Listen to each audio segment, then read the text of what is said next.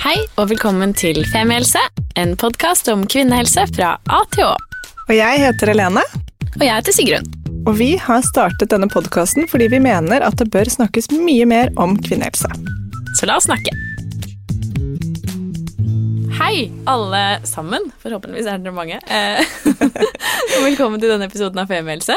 I dag skal vi snakke om brystet, eller puppene, da, som vi egentlig liker å kalle det. og med dette temaet så føler vi jo på mange måter litt at vi kommer litt sånn tilbake til essensen av femihelse. Altså jeg bare tenker på sånn første episoden, egg og eggstokker. Hvordan funker kroppen vår egentlig? Og sånn er det litt med puppene også. altså sånn En av disse få tingene som i hvert fall på utsiden eh, distingerer oss veldig som, som kvinner, eller jenter. Eh, og så er det liksom alle de små og store spørsmålene i hverdagen om jeg bare tenker sånn, herregud, når jeg fikk pupper, jeg husker det veldig godt, og hvordan det plutselig liksom vokste ut av kroppen min. Altså noe. Det er jo ganske spesielt. Og du liksom får liksom Først liksom er det dritvondt og en klump, og så blir den større, og så får den fett utenpå seg, og så er det sånn Det er jo ganske sci-fi, hele greiene. Jeg husker i hvert fall selv at jeg syntes det var ja, det var ganske slitsomt, egentlig. Um, vi brukte mye energi og mye tid på det. Uh, og så har vi snakket litt om pupper også, og bare Ja, sånn, hva vi tenker rundt, hva vi tenker rundt temaet. Ja. Det er sånn, det som vi også konkluderte litt med bare sånn på veien opp hit i stedet vi snakket om, er sånn Herregud, så mye negativt fokus man har på pupper. Ja. I hvert fall opp gjennom årene. Bare sånn Og de er for store, og de er for små, og de henger for mye, og brystvortene mine er for store, og Jeg vet hvor mange sånne diskusjoner jeg har hatt med venninnene mine, og, eh, og har det for så vidt, liksom fortsatt av og til. Bare sånn. Mm. Så vi syns dette er et interessant tema, da. ja, og så fikk vi når, vi, når vi snakket litt med andre folk om at vi skulle lage en episode om pupper, så var folk litt sånn hva, hva skal dere snakke om? Så bare da, da tenker jeg jo vi kommer til å bli overrasket. Fordi for eksempel eh, så har jeg alltid sett for meg at melken ligger inni sånn At nesten den ligger inni en sånn silikonbeholder. Altså at En melken er en pose. sånn pose midt inni puppen. Kan hende at vi får det motbevist i dag. Hvem vet. Men jeg tror uansett at dette er Eller jeg gleder meg veldig til episoden. Og så kanskje Eh, vi kan bli litt mer glad i puppen, fordi Ja. det er egentlig mitt, eh, mitt mål. Om at vi ikke bare skal tenke sånn å, den er sånn og sånn, og i Mm. veien og vond og sånn, men også tenke sånn heia puppen. Ja. med sin Love your funksjon. boobies. Ok, Ja. eh, eh, Men ja, for å snakke om puppene, så har vi med oss to fantastiske eksperter. Johanna og Mariam. Hei, velkommen. Hei. Hei. Kanskje dere har lyst til å si litt om dere selv før vi eh, begynner? Vil du begynne, Johanna? Ja, hei. Jeg heter Johanna Maja Kundersen. Jeg er bryst- og endokrinkirurg. Eh, Jeg dealer med da brystsykdommer, både godartede og ondartede. Jeg er medisinskfaglig eh, ansvarlig på Ahus og jobber privat sammen med Mariam. Og så må jeg bare si at eh, når dere nå skravler litt, så tenker jeg tilbake til når jeg var 13. Ja. Jeg heter Mariam Levander, eh, er også bryst- og endokrinkirurg. Jeg jobber eh, nesten bare på Volvat, og da av og til sammen med Johanna. Mm. Mm. Kult. Så fint. Ja, ok. Vi går rett på sak. Puppene. Ja. Hva, Hva består de av? hva er det for noe? Puppene, det er jo eh, et fantastisk organ. Eh, veldig hva skal jeg si, ikke un jo, kanskje litt undervurdert og har stått i skyggen, syns jeg, i mange år. På tide å få litt fokus på puppene. Eh, det Ikke hvis har- du er mann. Hva sa du? Ikke hvis du er mann. Nei. Mye fokus på det der. Men, eh, men puppen, den består jo av eh, ulike ting. Det består av brystkjertler og melkeganger. Eh, og fettvev. Eh, og blodkar. Og litt nerver. Så det er et følsomt organ. Det er så mye. Ja, mye, og de, de Altså, du snakket, Helene, du nevnte, og du nevnte den derre melkeposen, Mm. ikke sant. Sånn er det ikke, for at dette kan vi motbevise med en gang. Eh, hvis du tenker deg brystet som en klokkeskive, og så har du da disse klokkeslettene, ikke sant. Eh, så kan du tenke deg at melkekjertler er jo plassert langs eh, disse klokkeslettene. Og hver av disse melkekjertlene har, og nå snakker jeg i grove trekk, altså bare sånn at det er, eh, har en tunnel der melken renner ut og munner ut i brystvorten når man ammer. Eh, Ca. 20 sånne utførselsganger. Og hva er bryst? Jo, eh, jeg tøysa litt i stad om et seksuelt organ, men det er jo det ikke. Det er jo til for at vi skal amme våre barn. Mm. Det, er, det, det har en veldig spesifikk funksjon. Det er jo patter. Men hvorfor Ja, det kan, man kan ikke svare på. å kalle det for patter. Ja, men Ja. la oss kalle det for patter og avseksualisere brystene litt. Nei da. Nå godkjente vi pupper i stad, så patter er et skritt videre. Men eh, de kan jo endre form og farge i løpet av eh, bare en, måned eller en syklus. Og også over en, en periode. Hva er det som skjer inni puppen da? Eh, hvorfor får man f.eks., eh, hvis dere vet det, sånn ømmere Noen kan i hvert fall få det ømme større bryster når man har eggløsning, eller når man har mensen. Er de bare liksom litt på høygir? De lever jo på en måte litt, føler jeg. Ja. Ja, og alt har jo med hormoner å gjøre. Ikke sant? Vi er tilbake, og dere har snakket uh, i de andre episodene deres om hormoner. Alt har med hormon og hormonpåvirkning å gjøre. La oss ta denne du nevnte eh, hver måned, ikke sant. Jo, hva skjer? Jo, kroppen lurer de stakkars puppene hver måned. Lurer vi kroppen, puppene, ved å tro at nå skal du amme snart, nå skal du amme, nå må du gjøre deg klar, nå skal du amme. Og så kommer mensen. Og så blir de lei seg. Og så visner de litt igjen. For de stakkar. Da har de trodd da en halv måned at de skulle skamme, og det skjer ikke. Det som skjer egentlig er at hormonene får kjertlene til å forberede seg. Det strømmer inn, eh, det strømmer inn stoffer via blodet. Eh, De hovner opp, ikke sant. Dere har kjent alle sammen kuler og knudrete, og at det, at det hovner opp. Og um, vi reagerer på strekk, ikke sant. Og den det at de strekker seg, organene, altså kjertlene og disse utførselsgangene strekker seg litt, det vil oppleves som smerte. Så det er melkekjertlene som vokser en gang i måneden. Ja. Kult. Ok, så det er ikke fett. Nei, det kan vi komme Det kan- tilbake til. Ja, okay. Brystet er jo på en måte en del av kroppen, sånn at hvis man legger på seg også, så, kan de jo, så kommer det mer fett til puppen også, og de kan bli større. Så det er en fordel, kan være en fordel med å legge på seg, at man kan få litt større bryst. Mm. Men det er, upo, det er ikke et upåvirkelig organ, da. Det, liksom, det hører med til resten av kroppen. Um, er det vanlig å Altså at man opplever Du sa at det kunne gjøre vondt når de blir liksom strukket. Men er det, er det andre ganger man kan Altså hvis man ikke er i den delen av syklusen, er det noe annet som kan gjøre at de gjør vondt? Eller er det hormonelt? Det er liksom ikke, kan du ha noen andre sykdommer i puppene? Nå vet- tenker vi, Mariam, nå tenker vi kjapt, Ja, nå tenker Ja, vi For man kan ha brystkreft, og vi har jo laget en egen episode om det, så da kan Mm. de som vil høre mer om det, høre på den. Men kan man ha andre sykdommer i puppene? Man kan jo ha godartede kuler også, som kan også mm, endre seg i en syklus. Altså det fins godartede bindevevsknuter som mange kan oppleve at de blir større og vondere eh, når det nærmer seg eh, mensen. Eh, og så blir det på en måte bedre igjen når mensen kommer. Så det er også en ting som kan endre seg, da, som kan gjøre ekstra vondt. Og så er det noen som har eh, et veldig sånn knudrete og knutete bryst, og de kan også merke at det blir vondt gjennom syklusen. det heter det med smerte, det heter jo fibroadenomatose. At noen kan, eh, kan oppleve noe små jeg, jeg, kaller det svulster, men det er, det har ingenting med brystkreft å gjøre. Det er helt godartet, som Mariam sa, godartede forandringer. Der bindevev eh, er inne i disse kjertlene og kan oppleves smertefullt.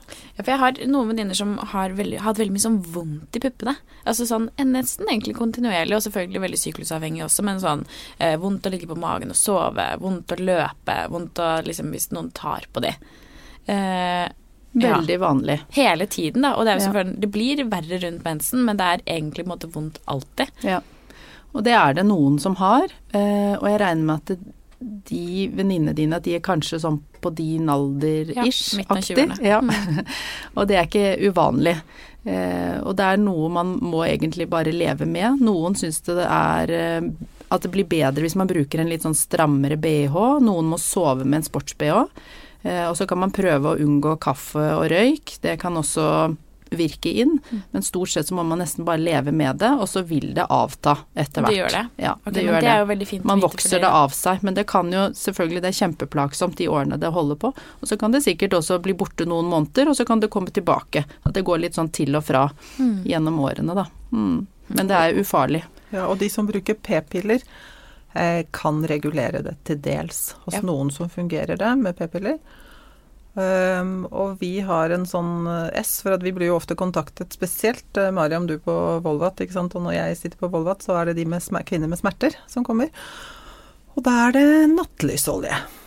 Oi, hva er det Som for noe? regulerer nattlys-olje, som er da, Mariam, du kunne det engelske ordet. Prime rose oil. Ja. Jeg kan det engelske ordet, men jeg kan ikke engelsk, så det er litt dumt. Som, eh, som sies å være hormonregulerende, rett og slett. Er det et plantepreparat? Det er et plantepreparat. Og en olje du smører på på utsiden? Eller på Nei, det er tabletter, det er kapsler. Å ja, og det kan roe ned smertene? Ja. Så fascinerende. Men eh, du sa noe om p-piller, da blir jeg veldig nysgjerrig. Eh, hva er det liksom Kan prevensjon påvirke puppene på noen sånn slags måte? Det var et litt Da kan spørsmål. Helene svare på det. Ja. For jeg begynte på p-piller og fikk mye større pupper. Det Ja, altså, altså, jeg gikk opp fra en A-kopp til kanskje en dobbel D. Det var helt psycho. Uh, på deg. Ja, det er gått ned igjen, da. Men da har du en kunstig hormonpåvirkning. ikke sant? Igjen, som Johanna sa, så er det da hormoner som stimulerer, Ja. eh, som gjør at brystene kan forandre seg gjennom en syklus. Litt ettersom, sånn som i den eh, kjempefine podkasten dere hadde om syklusen. Eh, at eh, Og da får du en kunstig stimuli med østrogen, eller ja, med hormoner, da. Med p-pillene. Skjønner. Mm. Og da kan de også gå ned igjen når man slutter på det. Eksempel. Det kan de. Ja. De kan normalisere seg. Og så kan de også være store i begynnelsen når man starter med p-piller, så kan de liksom roe seg etter hvert. ja, for det er sånn det Ja. føles ut som de puppene roer seg litt etter Ja, hvert. Ja, de bare sånn bjong, Ja. Og nå kommer det masse Ja. hormoner inn i kroppen, eh, og så tar det helt av, og så ja. Og så roer det seg. Er det da man går ut på byen, når man har starta på? Det kan man gjøre. Det kan man gjøre. Det Ja, dra ut på byen. lønner seg. Vi har jo, vi stilte eh, på Instagram, så stilte vi eh, fansen vår, eller dere der ute, eh, om, om de hadde noen spørsmål, og da var det et spørsmål som gjentok seg fra flere. Og det vil jo da nesten, da vil jeg jo si at spørsmålet nesten svarer på seg selv. Er det vanlig med hår rundt brystvorten på kvinner? Det er veldig vanlig. Ja. Hvis, jeg kan si, hvis dere vil ha prosenter, Ja takk. 70-80, Ja. kan vi si det der? Jeg er inne i de 70-80. Jeg har ett hår på venstre brystvorte som jeg napper Ja. med jevne mellomrom. Ja. Jeg synes det er litt fint. Det er så hyggelig. Det har vært med meg lenge. Det er litt gøy. Ja. Hva med deg, Sigrun? Er du utenfor? Ja. Nå syns jeg jo det var litt kjipt. Er du i de 20 altså? Jeg tror jo at man Jeg tror det er mye vanligere, eller det er vanligere enn man, enn man ser, fordi jeg tror de fleste gjør som deg, at man napper det ut. Men det er jo mange kvinner som ikke napper det også. Det er jo de man ser, og så virker det liksom litt, kanskje litt påfallende. Men det vanligste er å ha. Så de som ikke har, de er kanskje i mindretall, egentlig. La oss bare si at hvis, når vi nå, Mariam, når vi tenker oss pasienter som en gruppe, Mm. Så er det flere som kommer med hår på brystvortene enn under armhulene. Helt Oi. riktig. Det er faktisk Fordi riktig. de under armhulene er jo fjerde, de fleste. Hei, det er kult fakta. Ja.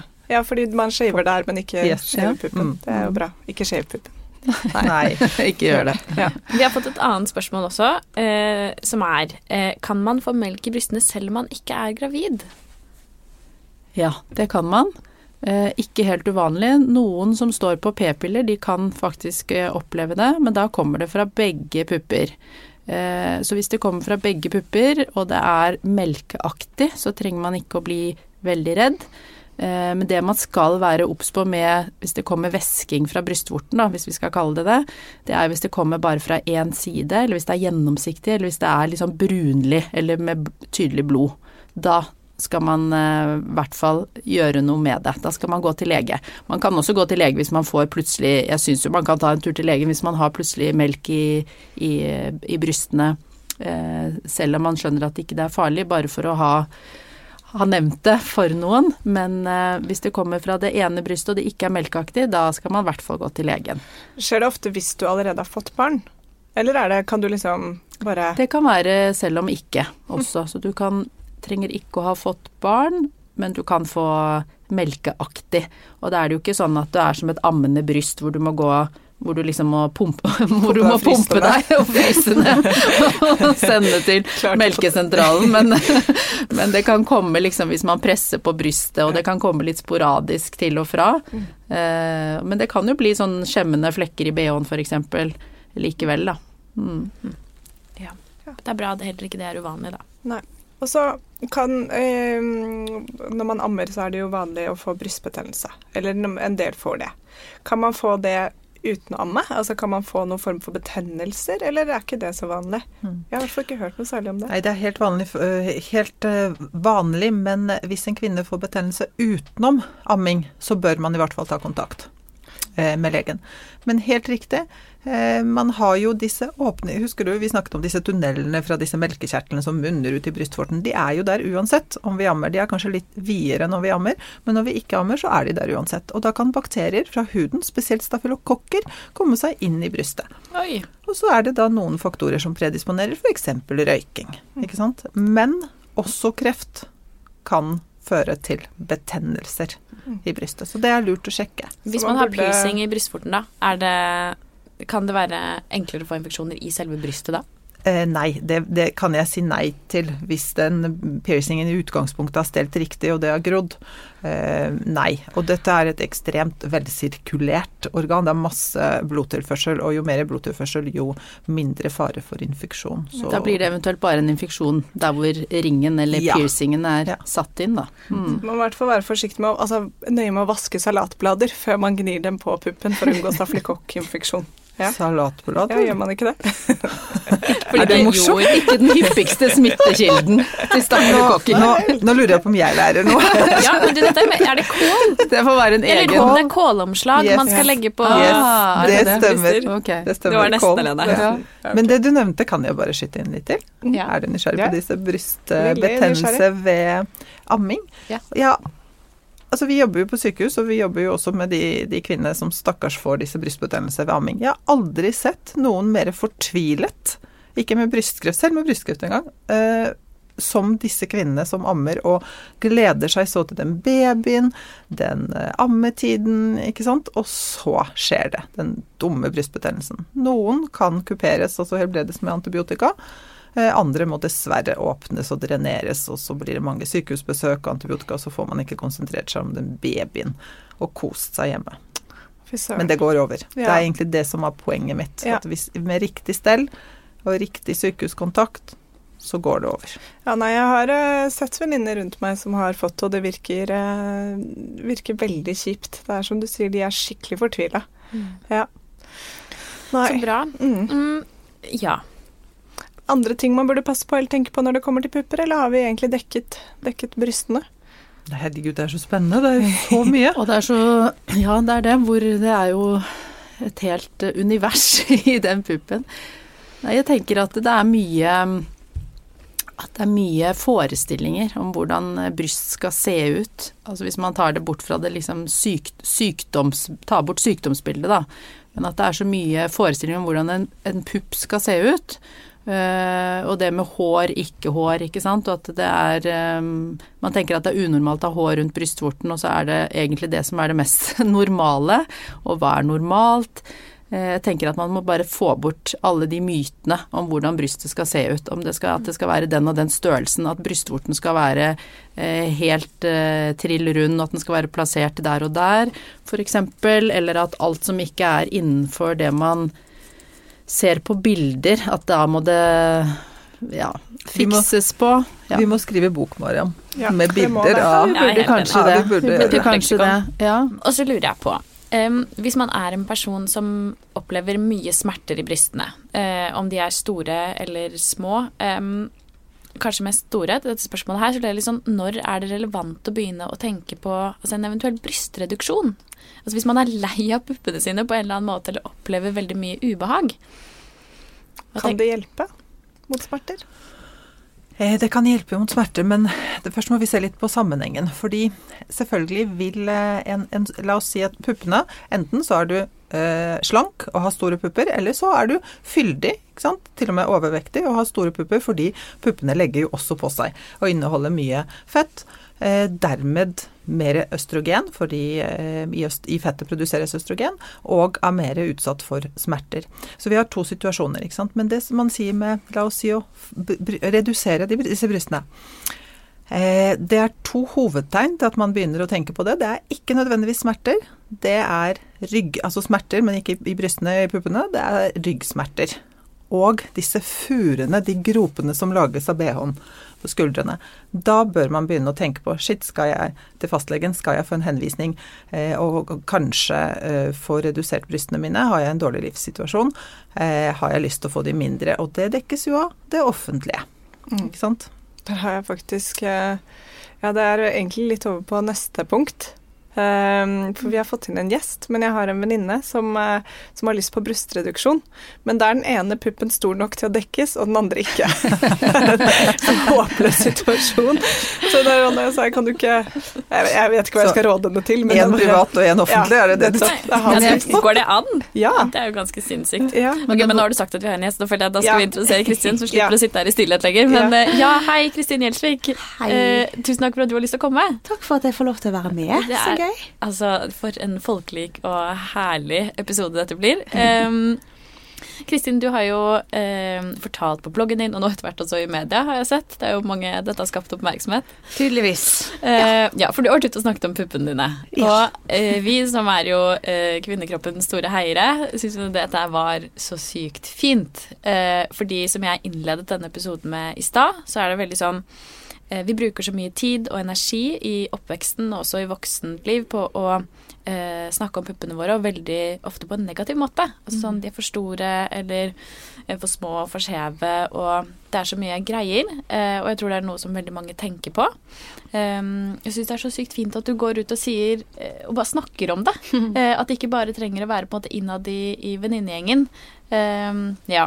ja. Hva slags reaksjoner har du egentlig fått på dette? Å herregud, utelukkende positive reaksjoner, da. Eh, for det er jo rett og slett det, som du sier. At det er veldig mye rundt pupper som på en måte er negativt. De er aldri perfekte. De er, som du sier, enten for store, skeive. Eh, det er liksom aldri wow, sykt fine pupper. Man sier jo ikke det til hverandre. Nei. Eller man sier det jo ikke selv, eller bare sånn 'Jeg er så fornøyd med puppene mine'. Nei, det er liksom alltid noe. sant? Og det er disse skjevhetene da som, som, eh, som jeg syns er spesielt viktig å snakke om, i hvert fall nå i denne sosiale medier-verdenen, der vi blir Altså, vi sammenligner oss med det man ser på spesielt Instagram. Det, det er det jo forsket på, skulle jeg til å si. Eh, og det vi ser der, det er jo et polert glansbilde av perfekte kropper, perfekte pupper. Eh, alt er perfekt. Alt er så Det er et glansbilde, rett og slett. Og da blir man litt sånn Ok, jeg passer ikke helt inn i denne kategorien i det hele tatt. Eh, jeg har jo ganske god selvtillit, så for meg har det på en måte aldri vært et problem. Men jeg kan godt forstå at jenter får komplekser for puppene, eh, og gjerne mer nå enn altså noen ganger tidligere, fordi at man blir så eksponert for det såkalte perfekte. Så derfor syns jeg det er viktig å, å heie frem mangfold og vise at ingen pupper er like. Og mitt tilfelle er jo ganske ekstremt.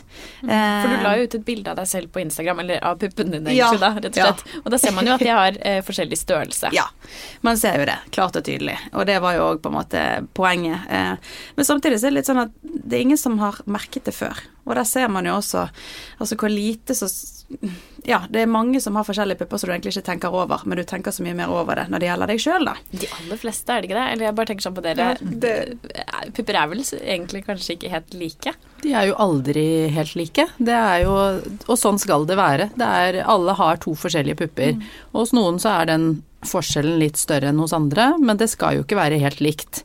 Sånn at det, sånn er det bare. Man godtar jo en forskjell på kanskje 20-25% faktisk som en del av normalvariasjonen. Det er ganske mye. Ja, I hvert fall én cupstørrelse.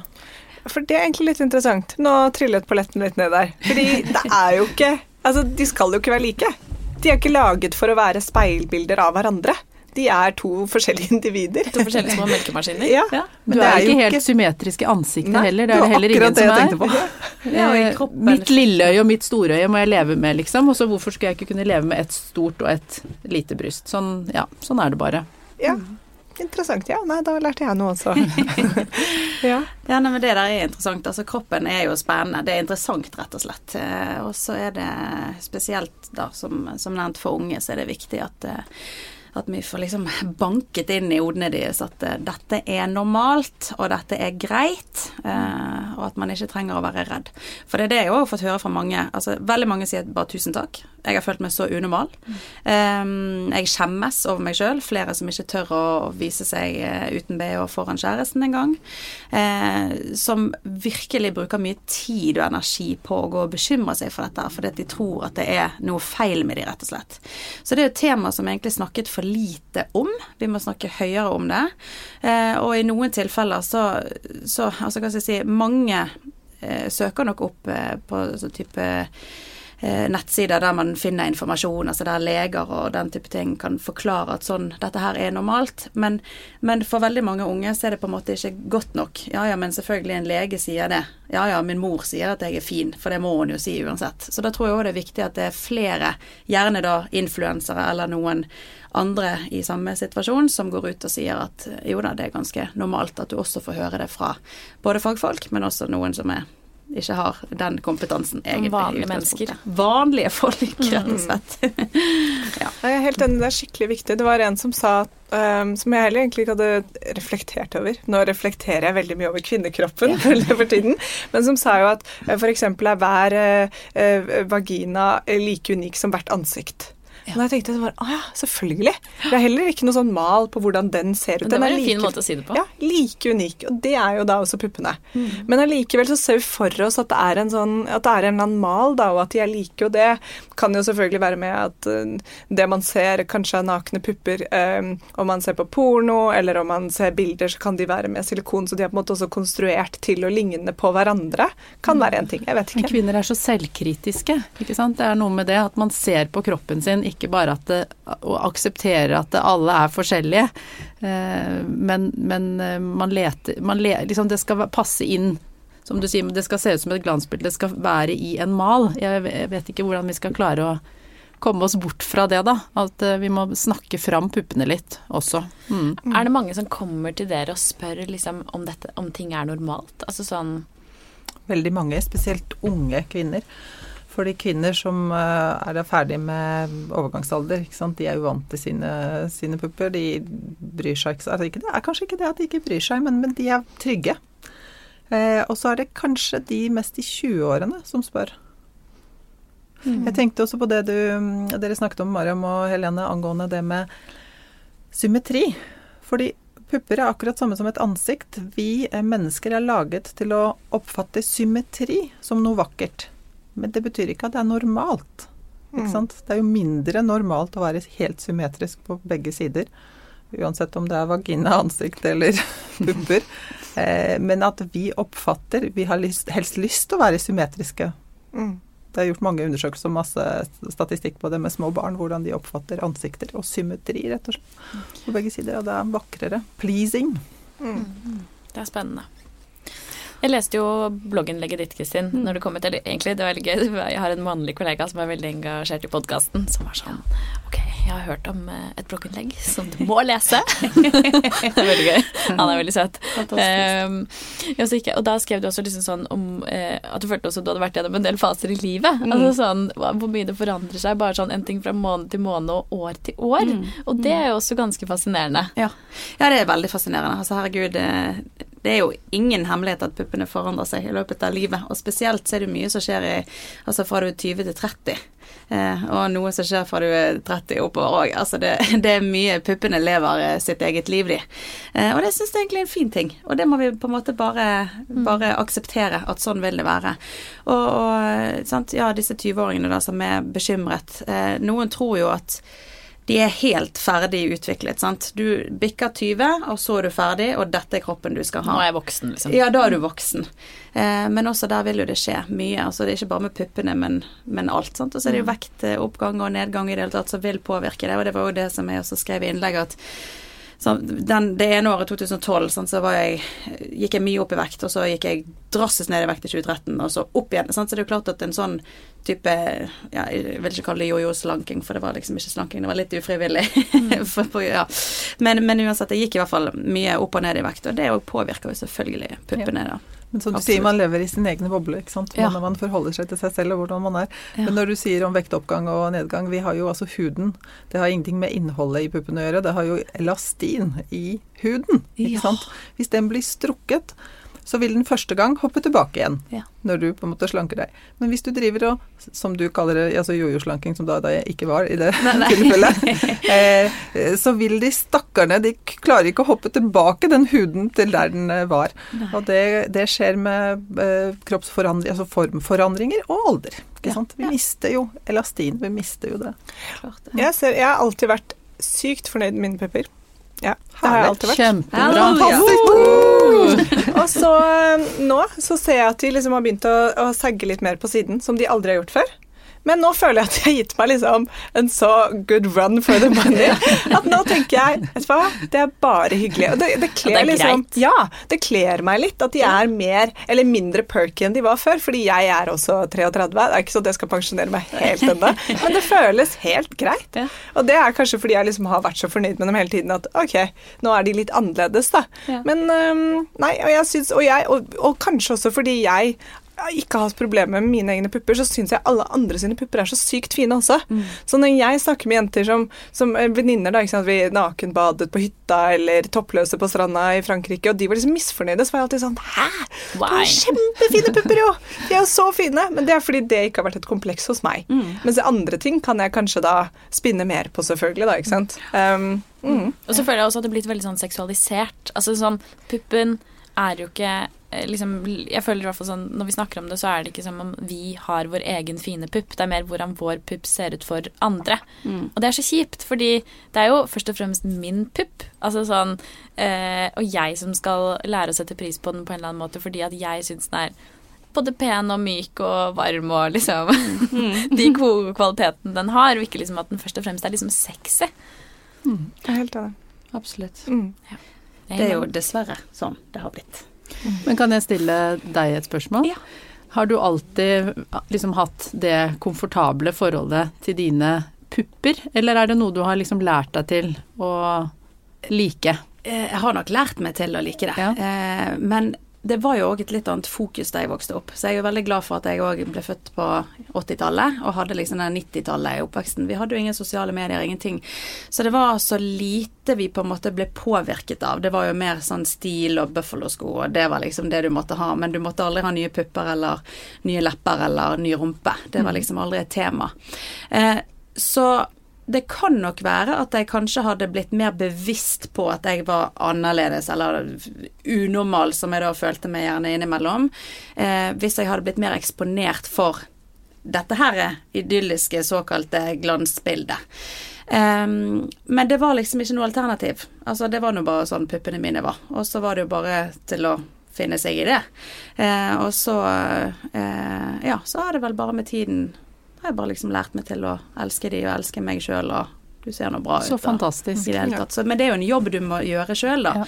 Em, så der har jo man et ansvar eh, faktisk for eh, egen selvfølelse. Eh, eh, definitivt, altså i forhold til hva man velger å, å Noe blir du eksponert for uansett, det er dessverre synd. At du kan på en måte ikke eliminere alle årsakene, men man har en, et lite ansvar sjøl, og i hvert fall prøve da f.eks. Instagram. Begynne der, eh, og, og prøve å unfollowe, da, altså trykke på av, avfølg, rett og slett, på de profilene som du gjerne føler gir deg en ekstra følelse av å ikke være bra nok, da. Eh, det hjelper så vanvittig. Og det har jeg jo sjøl måttet gjøre, selv om jeg på en måte er selvsikker i voksen alder. Men det er mye som gjør meg bevisst på ting. Eh, som jeg ikke nødvendigvis eh, bryr meg om. Men, men eh, hilsen Instagram, sant, så har jeg fått vite noe som heter hipdips, som ikke er så bra. Altså det er så mye sånne småting som, som du blir gjort oppmerksom på som ikke er perfekt.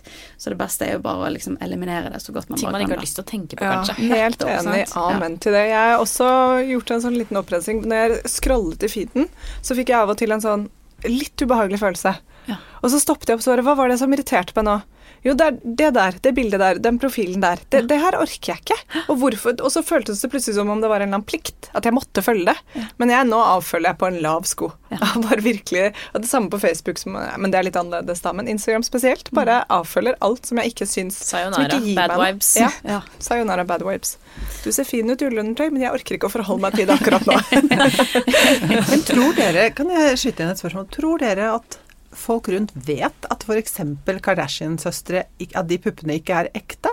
Eller de rumpene ikke er ekte? Det spekuleres mye, men vet alle det?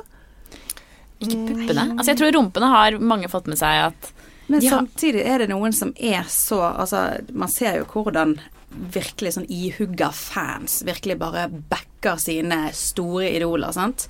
Og hvis noen sier at her er, her er ting fake, mm -mm, no, ikke pokker. Sant? Jeg tror faktisk at de har klart å, å lure noen. Jeg tror Ja, nok det er noe jeg- der. altså. Du har nok Jeg tror Ja.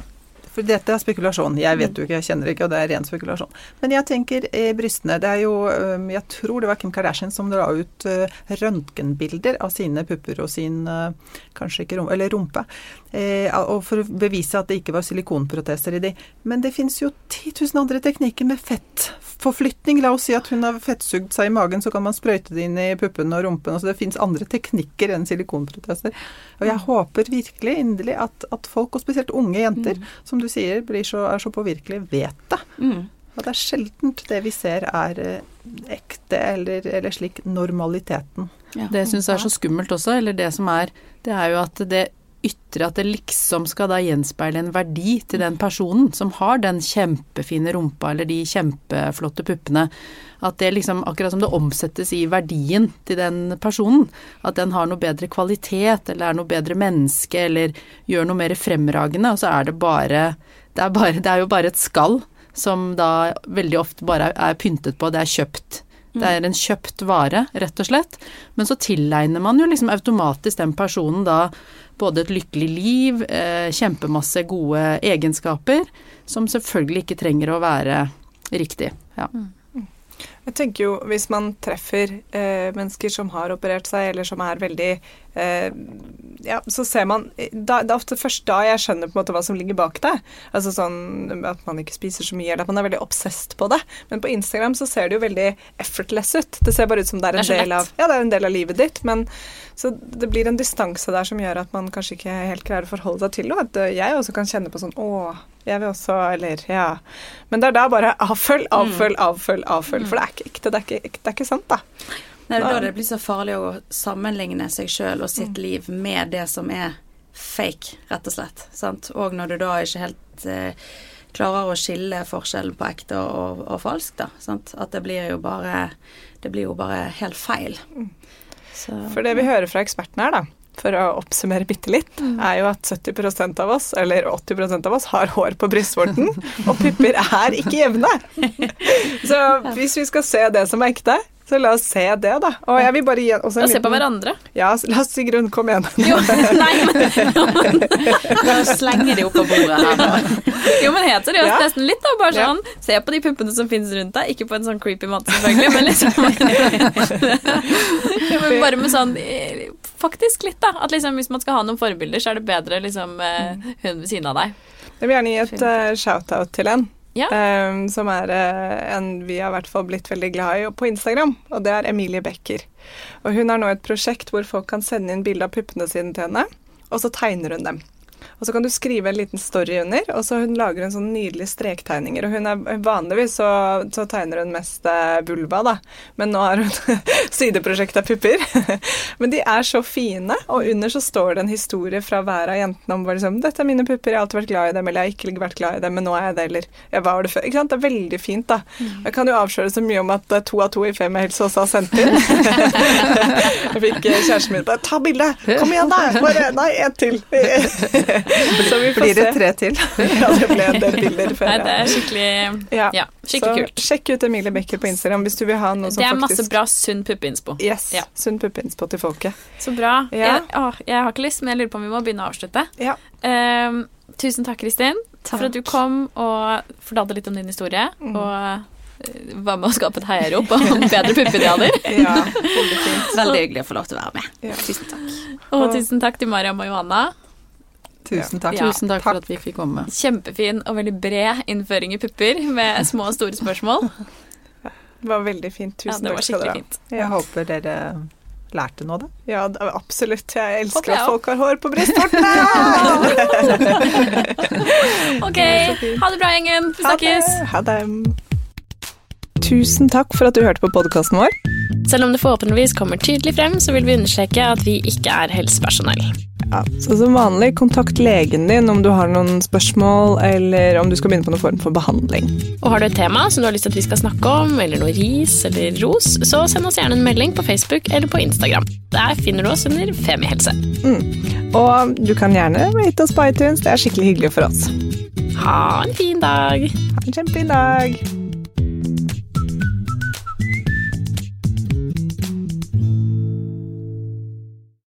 Har du et enkeltpersonforetak eller en liten bedrift? Da er du sikkert lei av å høre meg snakke om hvor enkelt det er med kvitteringer og bilag i fiken, så vi eh, gir oss her, vi. Fordi vi liker enkelt. Fiken superenkelt regnskap.